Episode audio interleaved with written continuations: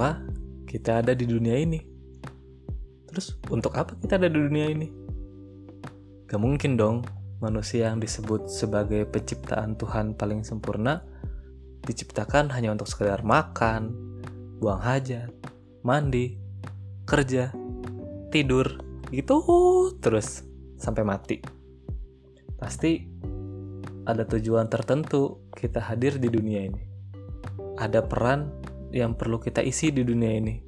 Nah, tapi apa gitu? Sebelum kita menjawab pertanyaan ini, ada dua hal yang perlu banget kita ingat. Pertama, tidak ada satupun manusia di muka bumi ini yang diciptakan sia-sia. Kedua, setiap manusia di muka bumi sejatinya diciptakan untuk memberikan manfaat bagi dirinya sendiri dan lingkungan sekitarnya. Nah, gimana caranya kehadiran kita bisa menjadi manfaat untuk sekitar kita? Yaitu pertama dengan mengenal diri kita seutuhnya. Mencari tahu seperti apa karakter kita itu, apa kelebihan kita, dan apa kekurangan kita. Kemudian, dengan karakter, kelebihan, dan kekurangan itu, kita mengisi peran di dunia ini dan memberikan manfaat bagi sekitar kita. Nah, jadi penting banget buat kita untuk bisa mengenal diri kita sendiri. Dimulai dari bagaimana kita merasa, bagaimana kita berpikir, bagaimana kita menilai keadaan, apa yang bisa dan tak bisa kita lakukan, hingga kepada tujuan hidup dan makna hidup kita. Dengan begitu, kita bisa mengisi peran di dunia ini dan memberikan manfaat yang luas bagi sekitar kita. Hingga akhirnya kita tahu kenapa kita ada di dunia ini.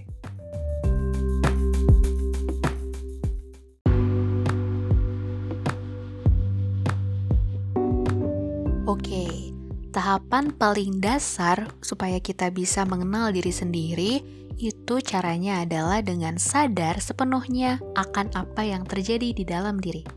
Misalnya, paling simple aja, kita lupa nih belum makan siang. Terus tiba-tiba perut keroncongan, lalu badan jadi lemes, pikiran jadi nggak fokus. Nah, dari situ kita bisa sadar kalau kita ini tuh lagi butuh makan. Nah, ini itu bentuk kesadaran yang paling dasar atau bisa kita sebut kesadaran fisiologis yaitu kesadaran tentang tubuh kita sendiri.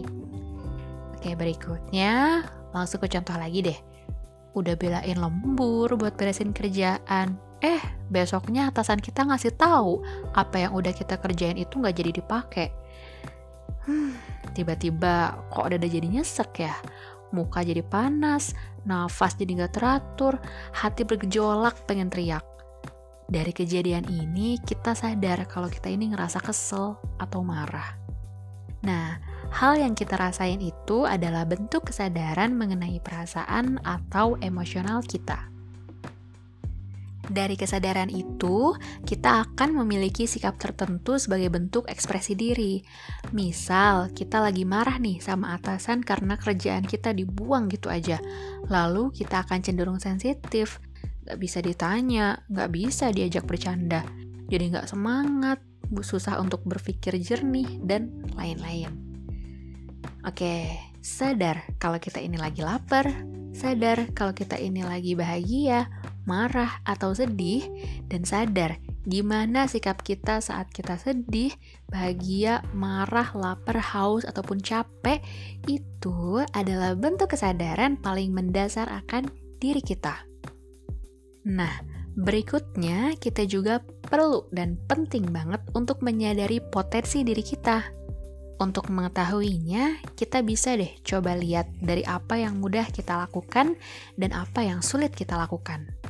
Jika kita bisa tahu itu, kita akan lebih mudah mengetahui potensi diri kita.